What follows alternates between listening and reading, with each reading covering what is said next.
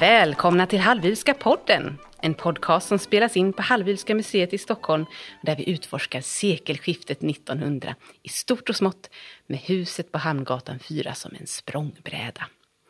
Podden leds av mig. Jag heter Emelie Höglund och arbetar här på museet som intendent. Att dricka brunn var förr i världen en vanlig företeelse, framförallt under sommarmånaderna. Det var lika mycket en fråga om att dricka vatten som att spendera tid i det.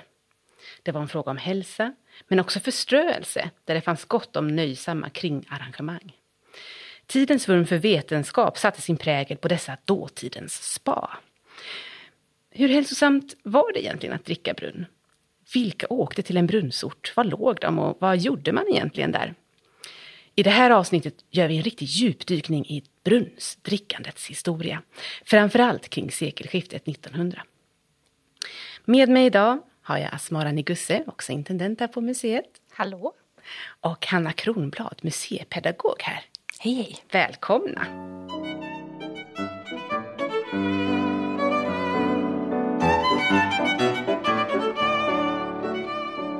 Hur länge har man egentligen druckit brunn? Ja, om vi ska gå tillbaka till den ursprungliga historien så får vi faktiskt gå till eh, de gamla romarna. faktiskt. Än idag hittar man faktiskt deras badanläggningar i arkeologiska utgrävningar, bland annat i Storbritannien. Och eh, även under medeltiden så finns det ju heliga källor. Eh, så det har alltså funnits långt tillbaka i tiden.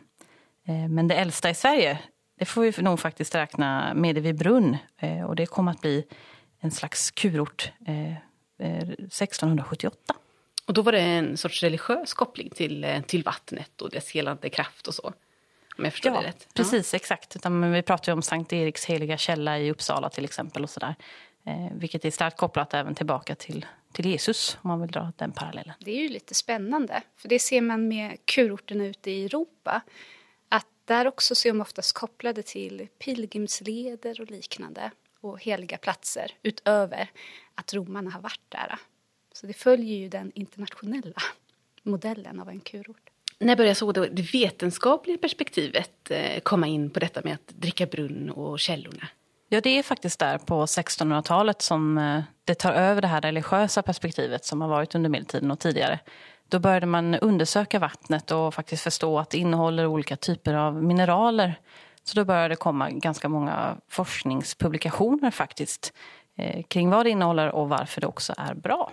Mm, det här med att dricka mineralvatten, då tänker man ju osökt på eh, vatten på flaska idag och sådär. Men när började man kunna köpa det? Det känns ju som en ganska modern företeelse, men den är kanske eh, äldre än vad man tror. Ja, det ser man ju lite från 1600-talet redan där. Jag tycker man ser så här de här brunnsorterna, de, de har en, en glansperiod på 1600-talet och sen också när vi kom in i Vilhelminas tid, på slutet av 1800-talet.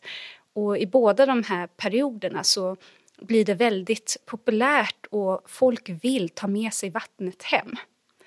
Och um, här i Sverige kan man ju se det på Loka till exempel, Loka brunn.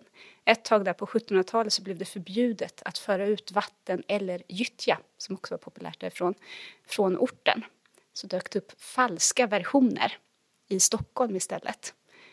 Och um, tittar vi i arkiven här så kan vi också se att man har köpt mineralvatten. Det finns några flaskor i, ja, i vinkällan då.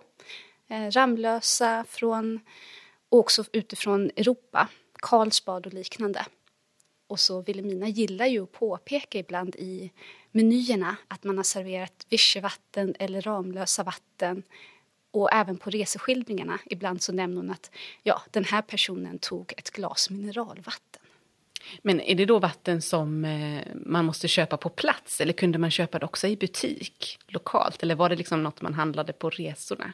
Det är väl lite både och. Alltså det finns källvatten och sen så gör de en särskiljning med artificiellt, tror jag de kallar det, vatten. Att då är det vatten som man har lagt till mineraler från den brunnsorten. Och det kan säljas på apotek, på vatten kaféer, tror jag de kallades, eller vattenhus. Det fanns ju här vid Kungsträdgården, inte så långt ifrån vårt hus på Hamngatan. Så mm, man ansåg väl att det som var det viktiga för hälsan, det helande, det var ju mineralerna som tillsattes i vattnet. Och då var det okej okay om man satte till det efterhand ibland också. Men jag tror självklart det riktiga källvattnet var ju det alla ville ha. Men det är klart det måste ju funnits en problematik kring konservering där också. Eh, om man nu ville ha det riktiga källvattnet så kanske det vore svårt att köpa någon annanstans än just på plats. Ja, det borde det vara. Och sen blir det väl också lite av en statusfråga. Jag menar, i Vilhelminas samhällsklass så tillhör det ju vara berest. Eh, det kommer vi ju säkert komma in i här, det ser man i arkiven att de reser ut i Europa och då nästan alltid besöker en kurort vid varje plats de är vid. Och köpa med sig en flaska därifrån sen, det är ju lite fint när man kommer hem. Flaskorna i sig hade ju också den där typen av kork som gör att liksom det blir en slags självkonservering kan man nästan säga. Ofta en sån återförslutningsbar. Och då blir det ju alltså som klassisk konserveringsburk. Och det i sig gör ju också att vattnet faktiskt håller bättre än vad man kanske tänker sig.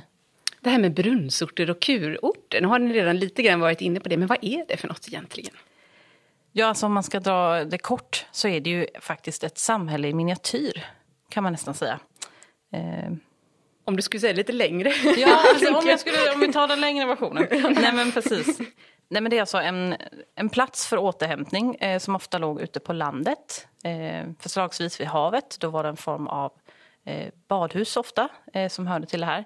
Eller vid en sån källa då som man har upptäckt att här finns det bra vatten. Eh, så ofta fanns det en tät kontakt med en större ort i närheten men det låg ofta avsides. Så man kan säga att det är som en liten, liten ort men som ändå har stadens breda utbud. För på plats fanns ofta allt ifrån sadelmakare till skomakare eh, för att då kunna ge den här typen av eh, Alltså uppfylla gästernas behov men samtidigt få den här avskildheten som man sökte när man tog sig ut till de här kur och brunnsorterna.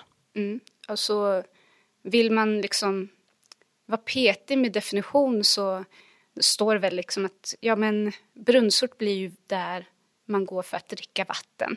Badort blir där man är vid vattnet och man går för att bada för att göra sig frisk. Och kurort är där man också erbjuds medicinska behandlingar och kurer. Men tittar vi på Vilhelminas reseskildringar och så, samtiden där, de gör ju ingen skillnad på det här. De kallar en brunnsort en kurort eller en badort. Och sen ser man också att flera av de här platserna ändrar ju sig utifrån säsong. Eh, sällskapsdam Ida Ose nämner vid något tillfälle att de är vid en plats, jag tror i norra Italien. Och så skriver hon att eh, det är en behaglig kurort på vintern och en vacker badort på sommaren. Ja just det, för på vintern kan man inte bada så då blir det en, en kurort och på sommaren en badort. Mm. Om det då inte var en kallvattenkur man skulle ta, för då var ju vintern perfekt. då var det ju riktigt kallt i vattnet. Men sanatorierna de skiljer sig lite ifrån eh, badorterna och kurorterna. Ja, där var det med de riktigt svårt sjuka. Eh, vi pratar alltså lungsot, eh, framförallt tuberkulos och sånt som man faktiskt visste var ganska smittsamt. De fick ju hålla sig till sanatorierna. De kunde faktiskt ibland ligga ganska nära Eh, de här vanliga kurorterna och sådär. Men man uppmuntrade ju inte direkt kontakt mellan brunnsgäster och de som var på sanatoriet.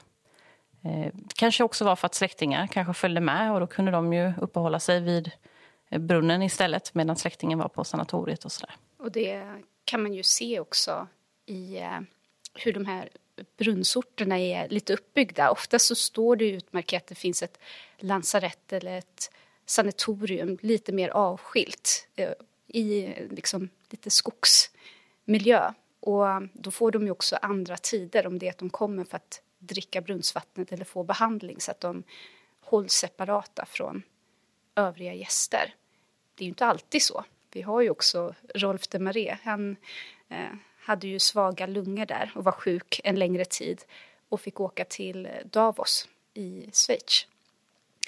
Och där, de kallar ju det för liksom, tuberkulosens eh, kosmopol. Att det, det kallas även för syndets Babylon.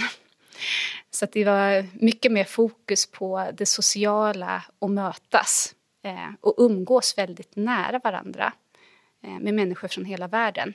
Även om tanken var att de skulle vara där för den friska luften. Precis, det är lite en spännande motsats egentligen. Kanske särskilt eh, i våra tider nu mitt i en pandemi. Jag tänker på att söka upp en plats för hälsa, men också nöje. Och så finns ju smittorisken där det är många olika eh, diagnoser som möts.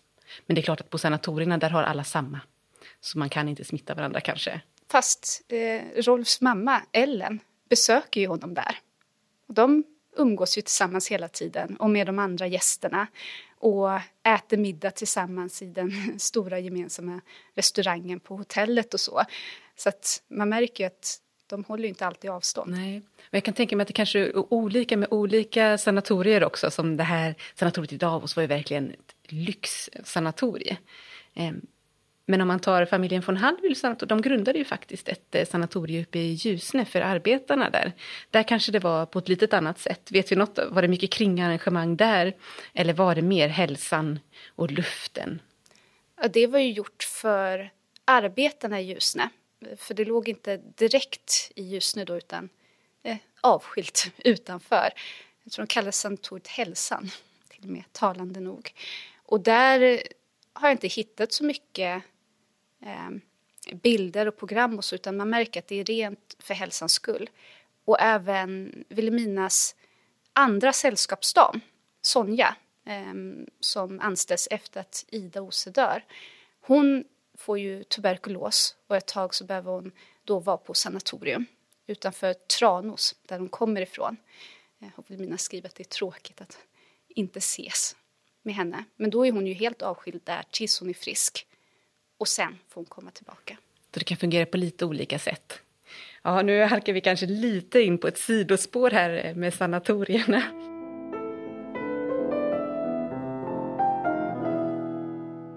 Men om vi hoppar tillbaka till brunnsorterna, vad fanns det för brunnsorter kända från förr som bör nämnas? Det finns ganska många och många som faktiskt finns kvar idag. Eh, som man kan besöka antingen som museum eller faktiskt som ett spa. Eh, I Sverige har vi till exempel Loka, eh, Ronnebybrunn, ja, vi har ju Medevi som vi har nämnt lite kort här i början som då faktiskt är det äldsta i Sverige.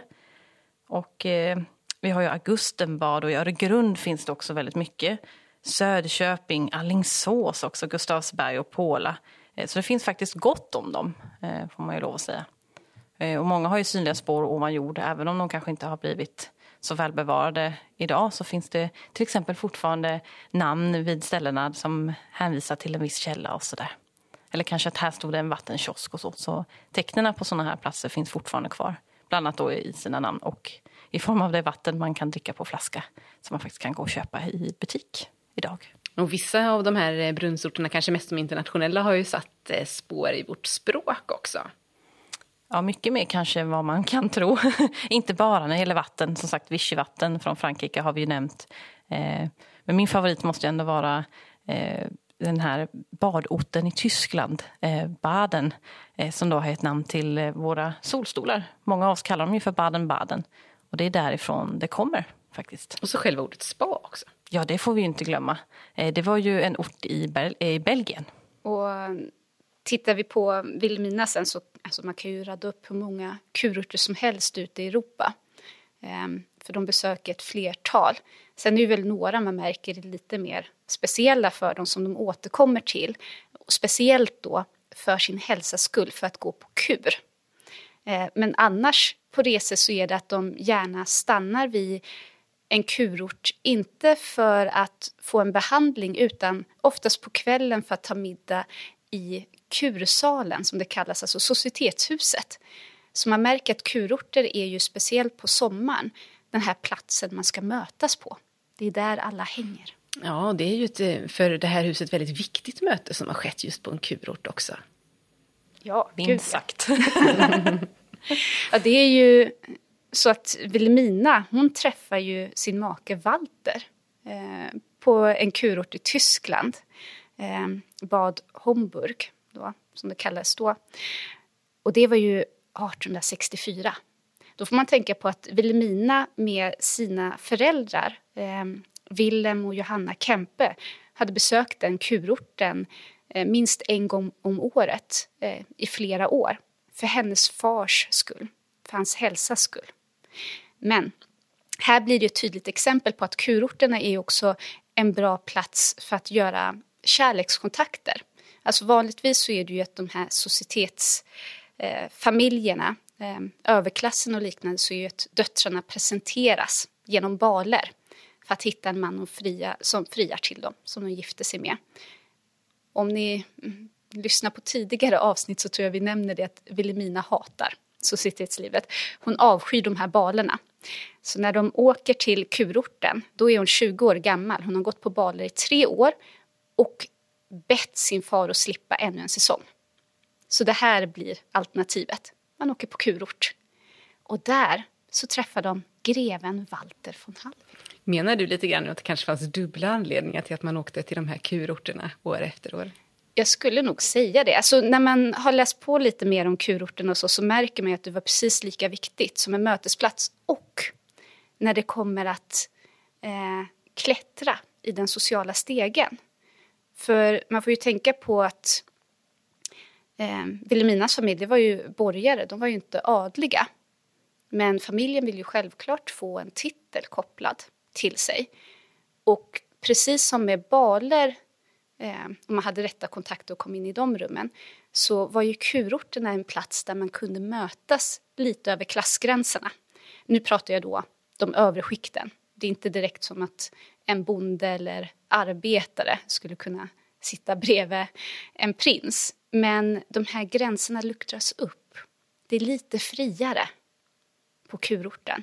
Lite lättare att göra möten och ha intima samtal och umgås utan att övervakas hela tiden. Faran där är också att det kommer till skvaller då. Väldigt lätt. Du måste akta dig så att ditt rykte inte fördärvas. Ja, och det kan ju också vara viktigt att veta vem man har som granne. Eller vad säger du Asmara? Du hade ju hittat en ganska festlig teckning i arkivet. Ja, eh, jag roas lite av balkonger på kurorter. Bara för att det dök upp så mycket i våra samlingar. För att det är, om vi tänker på Walter och Vilhelminas möte eh, på kurorten där så är det att de träffas, de umgås, eskorteras av Vilhelminas föräldrar hela tiden i två veckor. Sen åker Walter hem till Schweiz. Och en vecka senare kommer ett brev med frieri.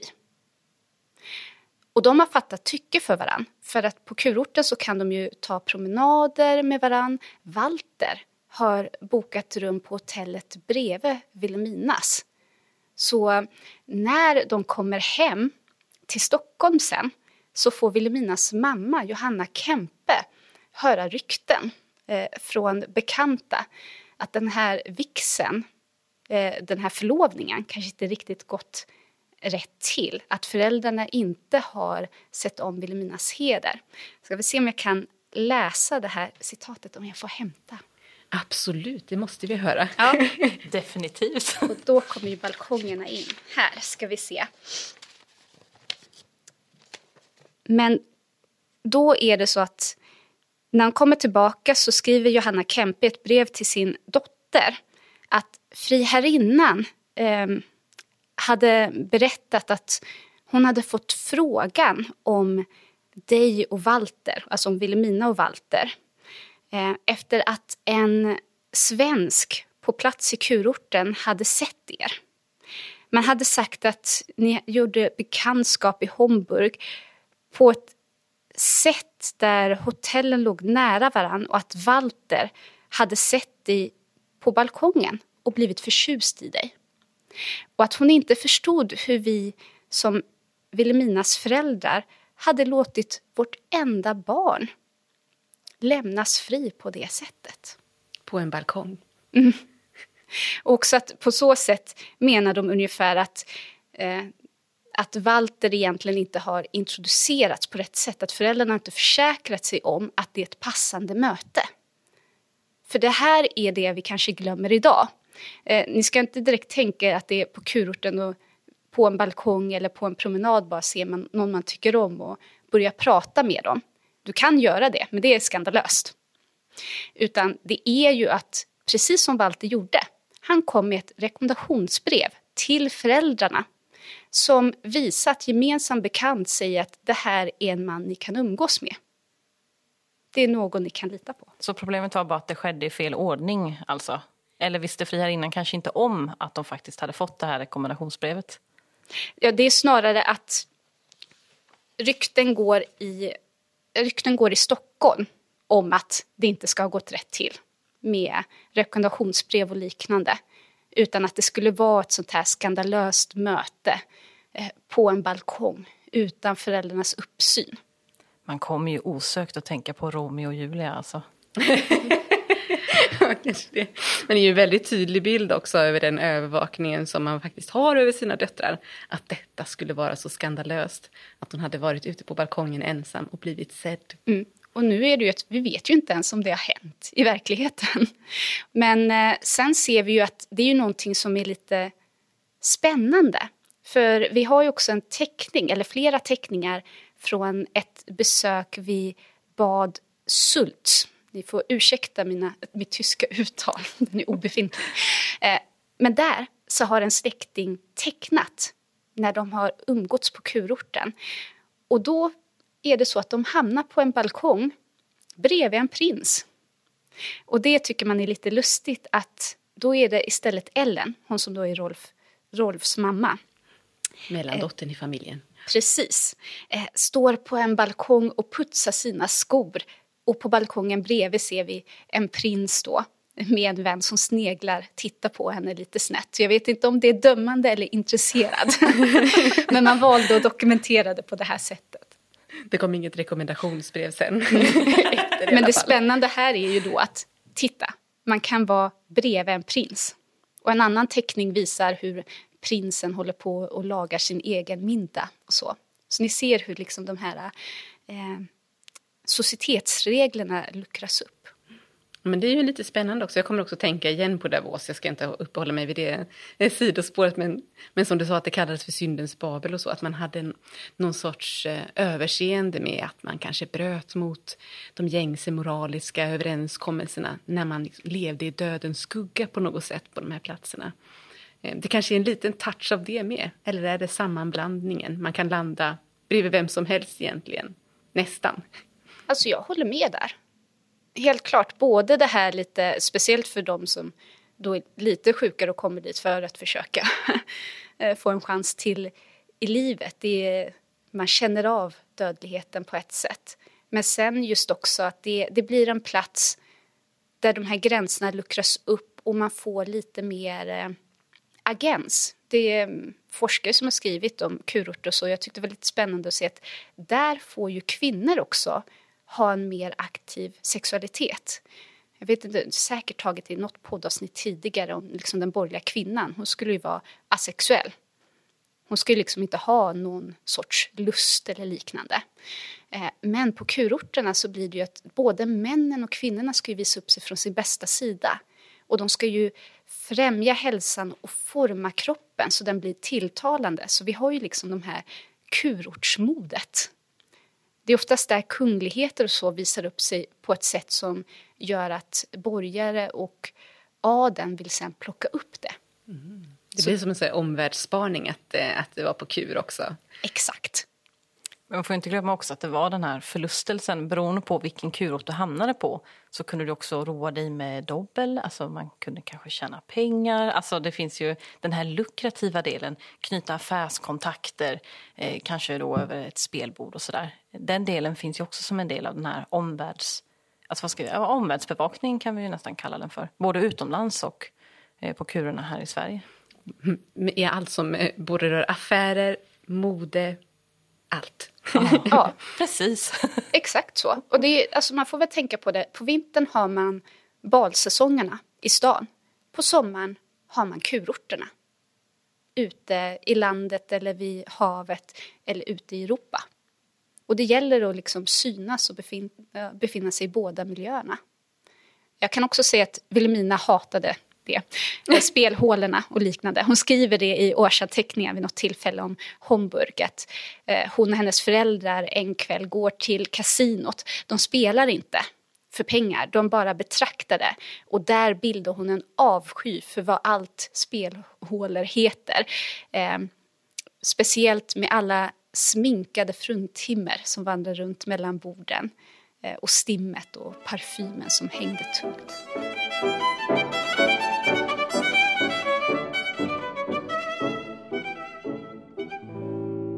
Kurorterna var ju också kanske extra viktiga för borgarna just utifrån det här med kroppslighet. Där hade du hittat ett eh, talande citat runt Asmara. Ja. Just detta med att kroppen var viktig ja. just för den samhällsklassen på ett nytt ja. sätt. Ja, och det, det tyckte jag var väldigt talande. Det är igen ur den här boken med Inligt älskade om Wilhelmina och Walters eh, tidiga år när de möts. Men jag tyckte det var så fin avslutning där. Eh, det stod att borgerligheten hade skapat sig en kropp att vårda precis som aristokratin kultiverade det blåa blodet. Det blir så tydligt då varför kurorter blir populära platser att träffas på. För det är ju en markör för borgerligheten att hävda sig. Och också kanske därför det är så spännande med kärleksmöten och så. En plats att hävda sig, knyta nya kontakter och se vad som gäller för kommande säsong. Det finns ju än fler kopplingar till brunnsorter just ifrån familjen. Inte bara har de varit där som gäster, utan de har också drivit brunnsorter. Ja, överhuvudtaget att vi kom in på det här temat för podden, det är ju för att eh, inom företaget så har man ju också ägt eh, Ramlösa hälsobrunn ett antal år. Och då var det Vilminas pappa då, Wilhelm Kempe, eh, som hade det tillsammans med eh, Kurt Wallis, som var Johanna Kempes kusin. Eh, Wallisfamiljen verkar man ju är väldigt intresserad av det här med medicin och liknande och hälsa. Och de båda är ju intressanta karaktärer. Ja, verkligen. Och det finns ju väldigt mycket kvar i arkivet från, från Ramlösa, minst sagt, även om det bara var under några år man drev det. Ibland finns det ritningar på hur vattenledningarna ska dras. Och vi kan också se spår av att de faktiskt har hämtat inspiration från andra brunnar, som till exempel både Loka och Medevi faktiskt i olika former. Bland annat brev, alltså tät korrespondens och sen också ett fotoalbum. Var det inte du som hittade något sånt från Loka, Asmara? Jo, det finns redan digitaliserat, så alla kan titta på det.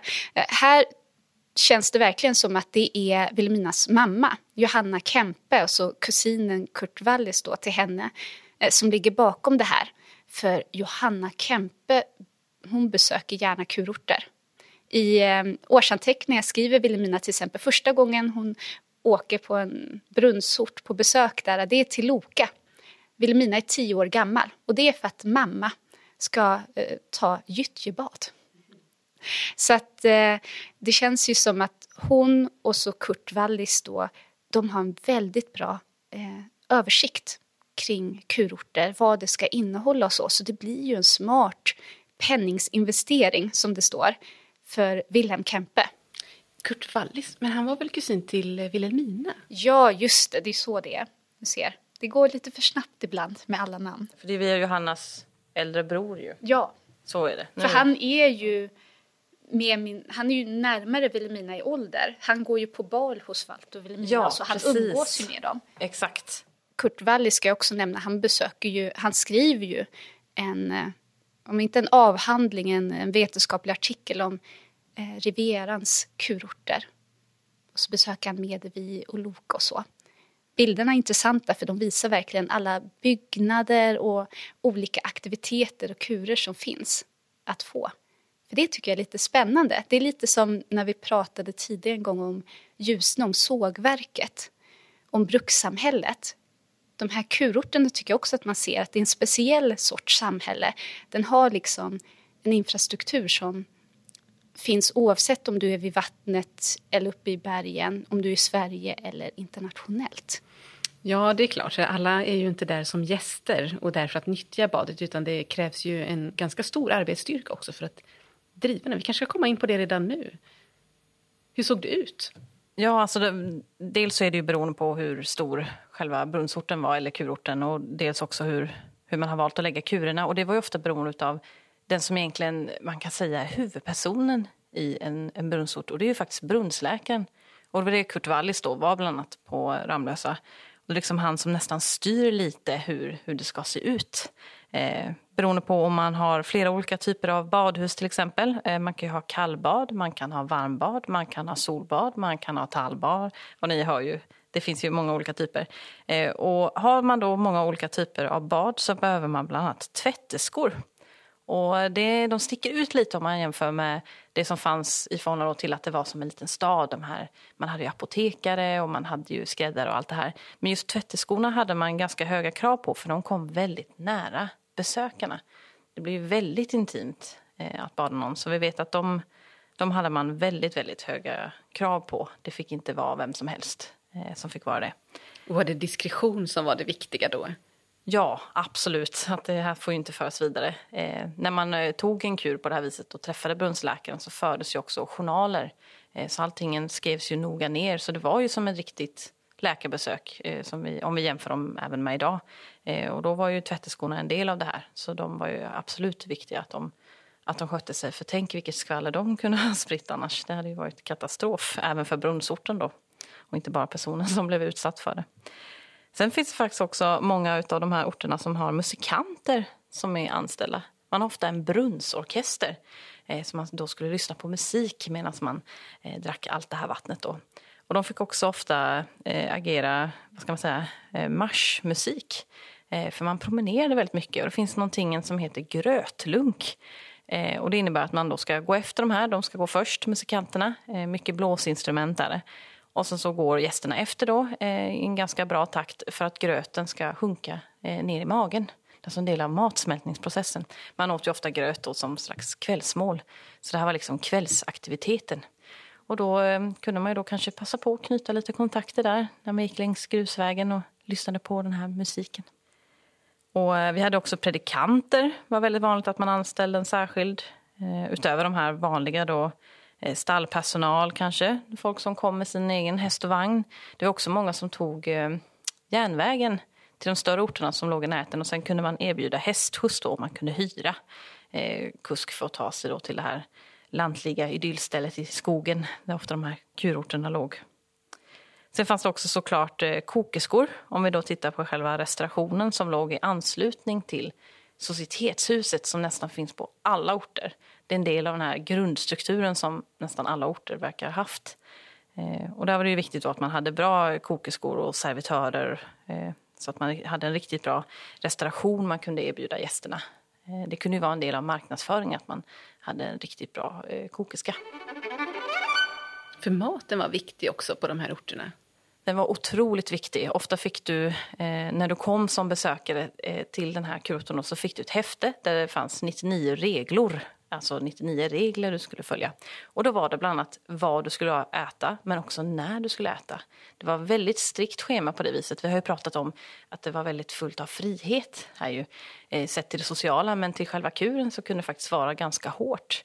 Eh, du kunde liksom binda upp det så du var tvungen att ligga i sexgradigt vatten en timme varje morgon till exempel.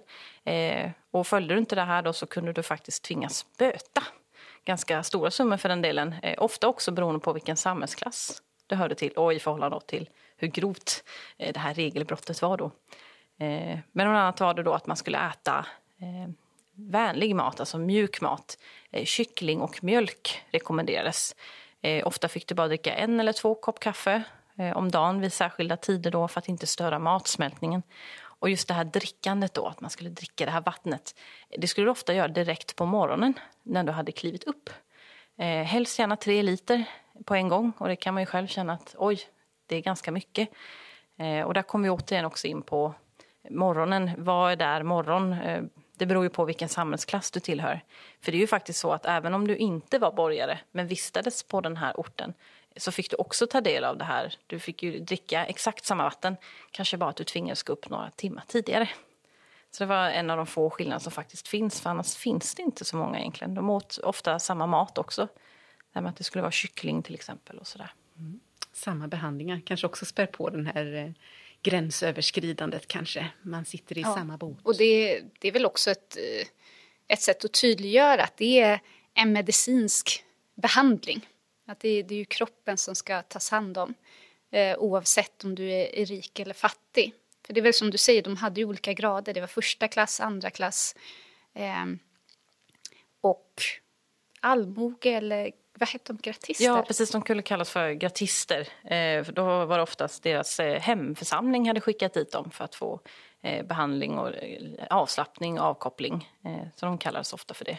Eh, och de hade ju då ofta lite, lite snävare tider när de fick göra både det ena och det andra. Eh, och det märks verkligen att det att hälsa är en del av det här besöket och de hämtar inspiration från förr, redan vid den här tiden. Vid flera källor nämner man ju alltid den gode Linné som då åt 6 deciliter smultron om dagen. För smultron är väldigt bra för matsmältningen. Så återigen har vi den här kopplingen också till det vetenskapliga. Eh, det är frihet och det är vetenskap. Eh, alltihopa liksom sammankopplat på de här orterna. Var smultron då en, en vanlig del av menyerna? Ja, ofta var de ju det faktiskt. Eh, när de kom så att säga. Det, det är ju bara på sommarhalvåret eh, där eh, som de börjar komma.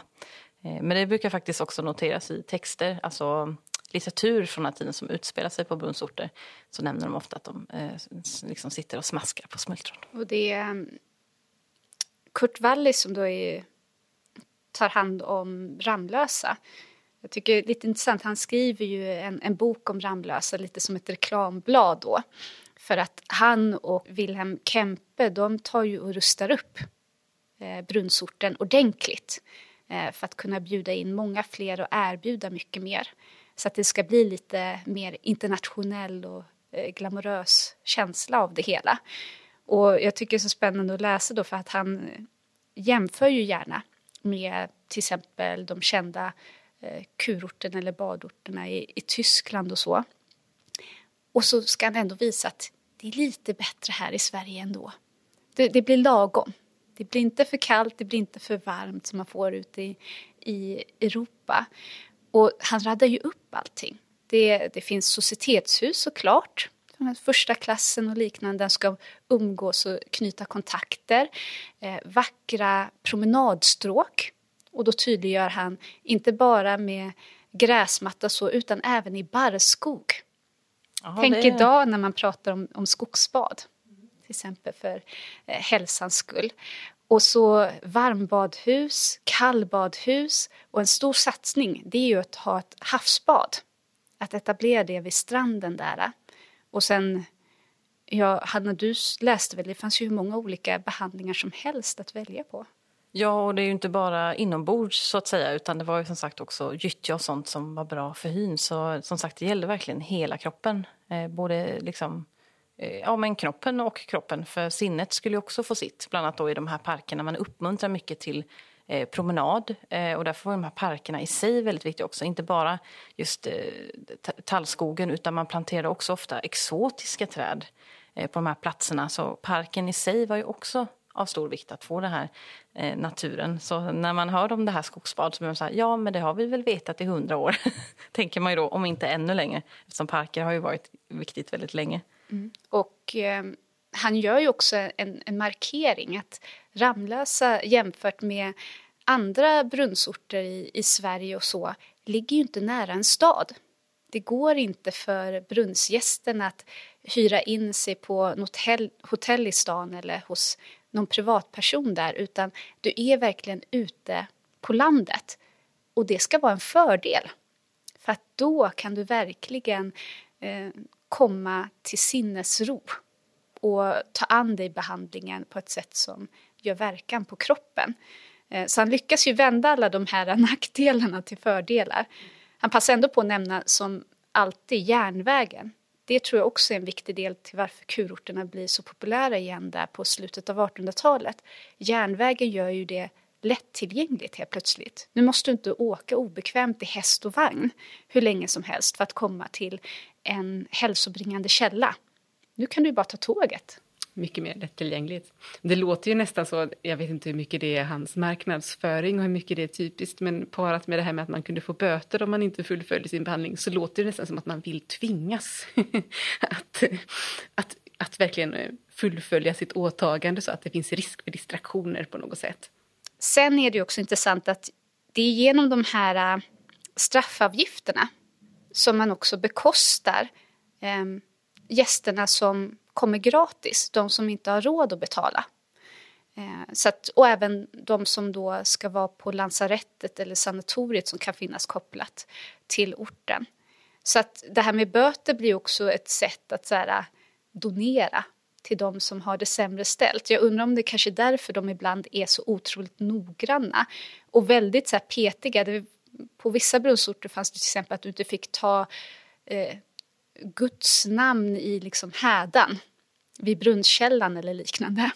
Gjorde du det så fick du böter på det. Eller missade du gudstjänsten så var det böter på det. Ja, alltså på vissa orter räckte det med att du somnade efter lunchen så fick du böta. Så att absolut, jag tror att det finns en, en väldigt tydlig poäng i att ha de här böterna och att kanske vissa gjorde det med flit. Eh, och jag kan inte låta bli att tänka på det här, vi pratade om att Vilhelmina inte gillar spel just med Ramlösa och att vissa då kanske frångick de här reglerna med flit för att vi har ju hittat i arkivet och bland kvittona att man bland annat klädde om ett spelbord. Och det antyder ju kanske att man faktiskt hängav sig och till exempel kortspel. Eh, och vissa brunnsorter var tydliga med att det fick man göra liksom efter middagen, kanske en, två timmar, men inte längre än så. Så det är väldigt olika, även om det är samma struktur på de här platserna så är det väldigt olika hur man, Eh, hur man fick bete sig. Och Ramlösa verkar ju också vara ett sånt ställe där man uppmuntrar mycket till gymnastik, bland annat erbjöd man. Eh, men det som också ger en tät koppling till huset här på Hamngatan 4 är att de också hade en kägelbana.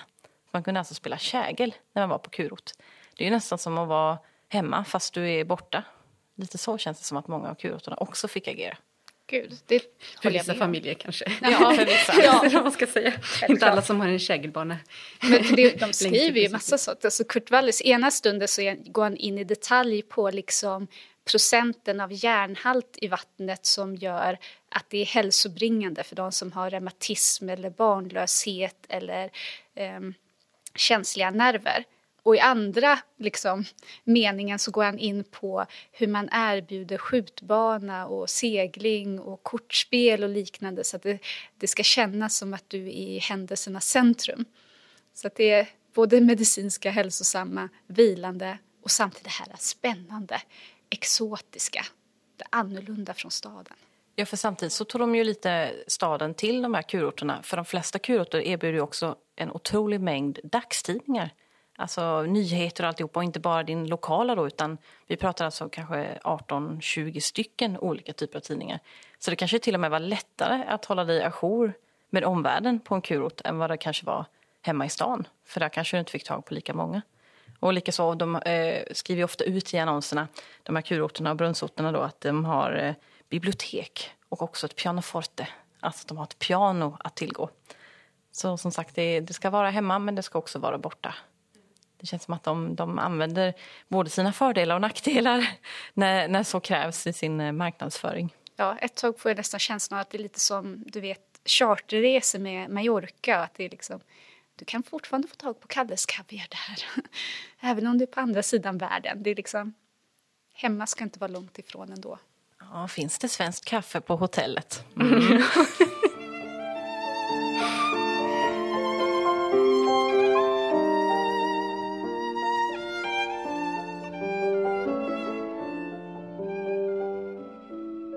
Vi har ju varit inne lite grann på det här med att man fick regler när man kom dit och eh, alltihopa. Men hur, hur gick det till i övrigt när man skrev in sig vid de här eh, kurorterna?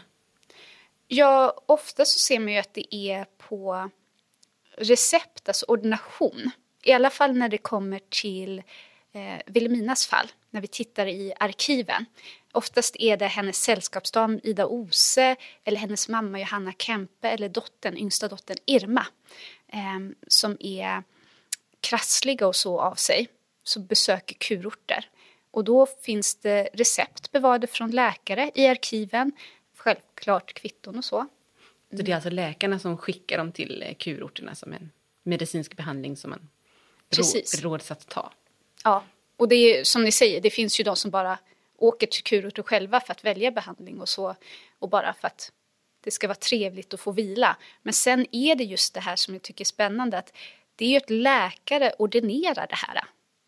Och vi har ett exempel, hittade jag till slut i alla reseskildringar, eh, där vi får beskrivet hur Ida Ose och Vilhelmina eh, tar en behandling. För det är så att år 1900 så åker Vilhelmina och sällskapsdamen Ida Ose till Homburg igen då. Men nu handlar det om att bli frisk. Vilhelmina hade varit hos en känd läkare i Berlin som hade ordinerat henne en brunnskur för att hon mådde dåligt eh, efter en blindtarmsoperation. Hon hade tydligen varit svag och sjuklig i över två år efter det. Och det här skulle då vara räddningen. Så de åker dit. De kommer fram på midsommardagen, skriver Ida Ose. Och dagen efter så sätter de igång. Och direkt så har de blivit ordinerade att dricka vatten från Elisabetkällan, som är väldigt känd. Och det är alltså saltvatten. Vi får då höra i årsanteckningarna och speciellt i resanteckningarna hur Ida Ose får en behandling för sin dåliga mage. Vi vet inte i detalj vad Vilhelmina fick för behandling på recept. För som Hanna nämnde tidigare, det här är ju väldigt intimt. Man gör ju inte behandlingar ute tillsammans med alla andra om det är ordinerat av läkare. Det är inte som spabehandling idag där du kan liksom vara bredvid din kompis eller din partner och få det utan det är bara baderskan som ska se dig. Men då, vi följer Ida en stund. Det börjar med att hon blir ordinerad att dricka tre glas vatten från Elisabethkällan med 15 minuters paus mellan varje glas. Det var väldigt exakt. Ja. Så ni ser, det här är, det är väldigt vetenskapligt belagt i grunden. Och sen så blir hon också ordinerad att hon ska ta bad. Hon ska bada. Så inte bara dricka vattnet. Och hon får ett första bad. Hon säger att det var eh, behagligt och skönt. Och eftersom det är varmt ute, eh, nästan 38 grader skriver hon, så, att, så då var det nästan skönt med det här kalla vattnet. Och sen nästa dag ska hon ta sitt andra bad och då står det att hon ska eh, ligga i badet i 15 minuter. Och hela kroppen ska betäckas med kolsyrebubblor. En mycket angenäm känsla ger hon som omdöme. Så här ser vi att då är det vatten från en annan källa som ska användas i badet.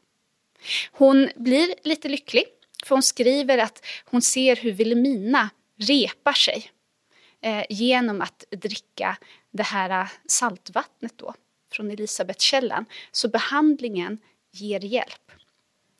Det senare så kommer hon in på att eh, krafterna återfås sakta, långsamt. Och i del av behandlingen så är det också att du tar lite behandling i början av dagen kanske. Sen lite utflykter, lite promenader, besöker gamla ruiner från romarnas tid. Och så tillbaka. De sista dagarna blir det lite mer intensivt och vi inser att de har ju inte så mycket fritid för eh, Ida Ose nämner att nu tar jag mitt trettonde bad. De är ju där i kanske eh, tre veckor som mest, kanske två. Så det blir ju nästan dagligen ordinerat utifrån en bestämd följd. Och i slutet där eh, så skriver hon att eh, måtte nu grevinnan få vara frisk. Jag har oroat mig så mycket över min kära grevinna. Eh, men behandlingen har då gett bot. Krafterna är tillbaka, hon känner igen henne igen och hon hoppas att det ska hålla nu när de lämnar brunnsorten. Man blir säkert eh, ganska upplivad av brunnsorten i sig också. Eh, och det utbudet på eh, sociala aktiviteter och att besöka romerska ruiner är nog inte någonting som Vilhelmina skulle ha någonting emot heller, anar man. Men om man tittar på de här behandlingarna ur ett eh, modernt perspektiv, hur verksamma kan man förvänta sig att de var egentligen? Ja, alltså nog mer än vad man kanske tror. Eh, många som besökte kurorterna kunde till exempel ha problem med järnbrist. Eh, det var väldigt vanligt vid den här tiden och då är det ju klart att ett järnrikt vatten, om du ordineras att dricka tre liter precis när du klivit upp, det kommer ju att hjälpa. Och den här friska luften och mycket rörelse, sjukgymnastiken tar ju mycket plats på kurorterna. Eh, så att vi kan faktiskt gå tillbaka och kolla på statistik från eh, provinsialläkarna, för de lämnar faktiskt in det här. Och det pågår ju liksom som en slags forskning, det här är ju vetenskapligt som ni hör. Och därför kan vi se att många eh, tycks ha fått och uppnått en väldigt god effekt och faktiskt blivit friska. Eh, förmodligen kanske då för att man har ätit bättre, man har rört på sig, man har varit ute i friska luften, man kanske inte stressar så mycket. Eller kanske har blivit kär. Och det det ser vi också att det är eh, Kurt Wallis nämner det med Ramlösa. Det är, eh, järnrika vattnet där är ju bra om man har blodbrist till exempel. Och vid Homburg så nämner Ida också att de även dricker från stålbrunnen, alltså järnrika vattnet. Så den ena är liksom salt, den andra är alkalisk och så. Mm -hmm. Just det här med ordination. Ja, det är verkligen inte vatten som vatten märker man. Nej, så det är man måste ha olika sorters vatten och källor så beroende på vad du har för åkomma så ska du välja rätt kurort och rätt behandling därefter. Men jag tycker lite roligt i samtiden, kanske lite bevis på att det här ändå funkar, är ju att i Tyskland så finns det ju en del av de här eh, kurorterna vid havet som man kan ordineras till att besöka. Mm, av läkare. Av ja. moderna läkare. Så här, liksom som friskvård på recept ungefär. Men att gå på behandling där. Så det säger ju någonting om det. Inte helt påhittat kanske. Nej. Det vore intressant att jämföra behandlingarna då och nu, om de är någorlunda likartade. Frånsett de här, eh, den moderna läkarvetenskapens eh, perspektiv eh, så fanns det ju också någonting som vi kanske idag skulle klassa in mera som naturläkemedel eh, och personer som arbetade med det knutna till de här brunsorterna också. Ja, det var ju ett av favoritfynden med det här när man börjar läsa in om brunnsorter. Det är ju några som Vilhelmina och hennes familj besöker väldigt gärna år efter år igen. Det är Läkarbonden, som det kallas. Eh, Amelie Hoenester, ursäkta uttalet där igen. Och sen när hon dör så tar hennes brors syster eh, upp verksamheten. Eh, och hon hette Ottilie Hoenester. Och de här är väldigt intressanta karaktärer, tycker jag. Eh, Amelie, den här första, hon blir jättepopulär där eh, på 1860-talet. Hon grundar en kurort vid en gammal eh, pilgrimsplats med en hälsobringande källa, Maria Brunn, i Tyskland. Och hon blir populär bland kungligheter och societeten i hela Europa. De reser till henne för att botas med hennes mirakelkurer. För hon är då ingen läkare, utan hon använder örter, naturmedicin för att de ska få en bättre hälsa. Också rådgivning. Och hon utläser deras eh, sjukdom genom att studera deras urin. Så det är väldigt så här, udda. Man tänker inte riktigt att kungligheter ska vilja umgås med karaktärer som henne. Men hon är väldigt effektiv. Hon får goda resultat. Och det kanske har att göra med just att det är, hon talar väldigt mycket med de som ska få behandling först. Och sen så älskar jag det, det står lite beskrivet att hon hade ju ett knep för att inte behöva behandla eh, patienter som var alldeles för sjuka som liksom inte skulle få en effekt av hennes örtbehandlingar. Då sa hon bara till dem att nej, min kur är alldeles för stark för er. Ni skulle inte överleva det. Och rekommenderade då att istället gå till en läkare i stan och få en annan behandling. Så på så sätt så kan man ju se till att man bara har goda betyg efter sig. Och, både ansvarstagande för statistiken men kanske också för just gästerna då att när det är någonting där örterna inte kommer att hjälpa då ser hon till att de kommer i andra händer. Mm. För att jag blev ju förvånad över det för att hon finns ju beskriven i katalogen. Så här, vid Bad Sult som jag nämnde tidigare, vet, prinsen och balkongen och så. Eh, där är brorsdottern ett tag. Så att när Amelie dör så flyttar brorsdottern och hon åker och jobbar på lite olika kurorter. Och varje gång så följer de med. Speciellt eh, Johanna Kempe, fröken Ida Ose och så Irma, yngsta dottern. De går på behandling eh, hos den här kvinnliga då, naturläkaren år efter år igen. Och är alltid imponerade av resultaten. Jag blir mest imponerad bara på att eh, först en kvinna som tar plats och liksom äger en kurort på det här sättet. Men just också att hon hon blir känd för att hon är väldigt strategisk. Hon har väldigt bra affärssinne. Det här med att till exempel ta, inte ta emot allt för sjuka patienter. Men sen är det också att hennes rådgivning är gratis. Det är örtbehandlingarna som kostar dyra pengar. Vilket gör att hon hjälper ju väldigt många fattiga. Bara genom att ge dem råd och så här. Så får de själva ordna med sin behandling. Och så tar hon bara dyrt betalt av de här eh, inom societeten som kommer för att behandlas och synas där. Det är ju också att hon blir känd över, eh, ja internationellt ska jag säga. Men sen är det ju att läkarna hatar ju henne. Hon förföljs av dem, de försöker stänga ner hennes verksamhet om och om igen. Hennes förflutna är ju inte heller fint. Hon har varit fängslad tidigare och så liksom med hennes familj. Hon är verkligen så här, en person som egentligen inte ska ha en framträdande plats, tycker de. Och de anklagar henne liksom för ja, kvacksalveri. Hon bara lurar folk. Så hon ser ju till, till exempel när hon försöker stänga ner brunnsorten, eh, för de säger att den är inte riktig, ja, då anställer hon en brunnsläkare som är en halmgubbe. Han har ingenting att säga, han bara dras fram när de kommer för att inspektera det hela. Och sen till slut så lyckas hon eh, få en kontakt inom eh, kommunen där, liknande, eh, det administrativa, som håller henne om ryggen. Så ingen kan längre komma och försöka förstöra hennes verksamhet eller hennes rykte. Ja, hon finns ju till och med med på fotografier i eh, våra samlingar, eller hur? Ja, precis. Båda de finns faktiskt med på fotografier i arkivet under porträttfotografier av familj, vänner, kollegor och liknande. Så det är ju ett så tydligt bevis på att eh, de var viktiga att besöka återigen. Man har ett stort förtroende för dem. Och man har botats av deras kurer tidigare.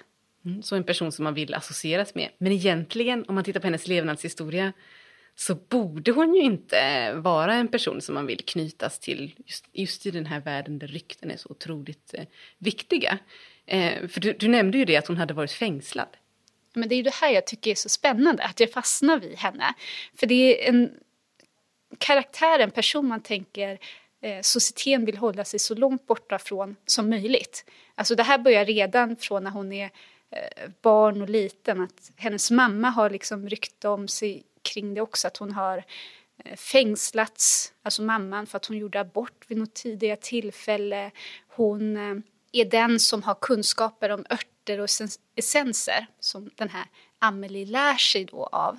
Och sen Amelie själv, liksom som tonåring eh, och i, när hon är ung vuxen eh, fängslas av polisen. Hon hamnar på ett kloster ett tag, mer eller mindre som straffarbete för att hon har ljugit om sin ställning vid ett tillfälle. Att hon har eh, agerat som ficktjuv och så. Hon försöker liksom formulera om sig själv och hur hon visas upp. Men, försöker ta sig fram. Ja, ja, faktiskt. Sen kommer ju räddningen, eller ska vi säga vägen framåt, att hon eh, anställs av en grevinna. Eh, verkar vara liksom enka, gammal och så. Har inte så många runt omkring sig. Och genom att anställas av henne, som är mindre sällskapsdam, så lär hon sig Eh, hur societetslivet funkar. Hon lär sig hur hon ska presentera sig själv och föra sig själv. Och det här blir liksom vägen in. Nu har hon både fasaden Eh, med att presentera sig på rätt sätt och genom grevinnan ett sätt att ha kontakter.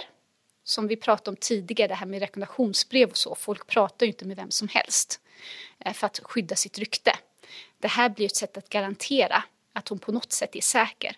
Och sen mammas kunskaper i naturläkemedel. Här hittar hon sin nisch.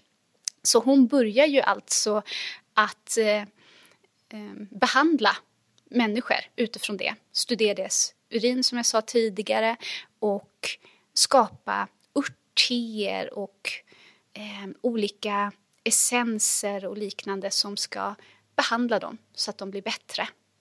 Men det här tar ju riktigt fart först när eh, kejsarinnan Elisabet av Österrike eh, skickar med en från hovet en liten flaska med hennes urin för att försöka få bot på sina åkommor. Och här får hon ju hjälp. Hon blir rekommenderad att åka till henne vid Mariabrunn och eh, ta en behandling. Hon mår mycket bättre efter det och nu är vi i guldläge. Då är alla vägar öppna. Ja, nu vill alla komma dit. Och alltså det är de mer eller mindre köer och så. Och efter att hon dör 1878 så tar som jag sa eh, brorsystern över. Hon har studerat under henne och lärt sig det hela. Och hon åker till andra kurorter och man följer med henne. Vilket Wilhelmina och hennes familj gör till exempel. Ida Ose nämner ett tillfälle att hon är så glad. Hon, hennes mage är dålig väldigt ofta tydligen. Så hon har ordinerats en kur hon åker till HNester, hon skriver hur eh, en vagn har bokats av HNester som hämtar upp henne vid järnvägsstationen. Hon kommer till kurorten där. Det är inte riktigt klart för gästerna ännu men hon får gå ut i den vackra parken, ta en promenad. Hon kommer i kontakt med några fröknar Smith som hon får god bekantskap med. De tittar på när brunnsorkestern spelar och så. Som liksom beskriver vilken behaglig upplevelse det är att komma till HN Ester och sen påbörja kuren. Som hon blir frisk av. Åker hem glad igen.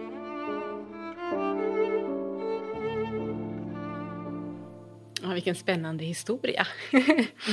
Man undrar hur mycket det var just frånvaron av läkartitel eller om behandlingarna avvek så mycket från de som läkarna själva ordinerade ut. Vad var det som var problemet så att säga, med hennes eh, verksamhet? Och sen så är det väl också att hon var en väldigt så här, tydlig karaktär. Hon tog plats. Lite på samma sätt som liksom Wilhelmina, att inte följa tidens förväntningar. Hon framhävde sig själv. Så att hon har ju blivit så här en, mer eller mindre en legend. Tydligen hennes namn är, används i flera städer som gatunamn. Det har skrivits pjäser om henne, filmer, radioteater och liknande. Så att man kommer ihåg henne där. Ja, det blir någonting att eh, utforska vidare, känner jag. Absolut. Ja, någonting som vi verkligen har märkt under det här eh, samtalet är att mycket kan hända på de här eh, brunnsorterna. Det verkar ha varit platsen där man skulle befinna sig ur så många olika perspektiv. Så med det och den här spännande historien så rundar vi av det här avsnittet. Tack alla ni som har lyssnat och tack Asmara, tack Hanna för att ni kom hit och delade med er av ert kunnande kring det här ämnet. Tack. Tack.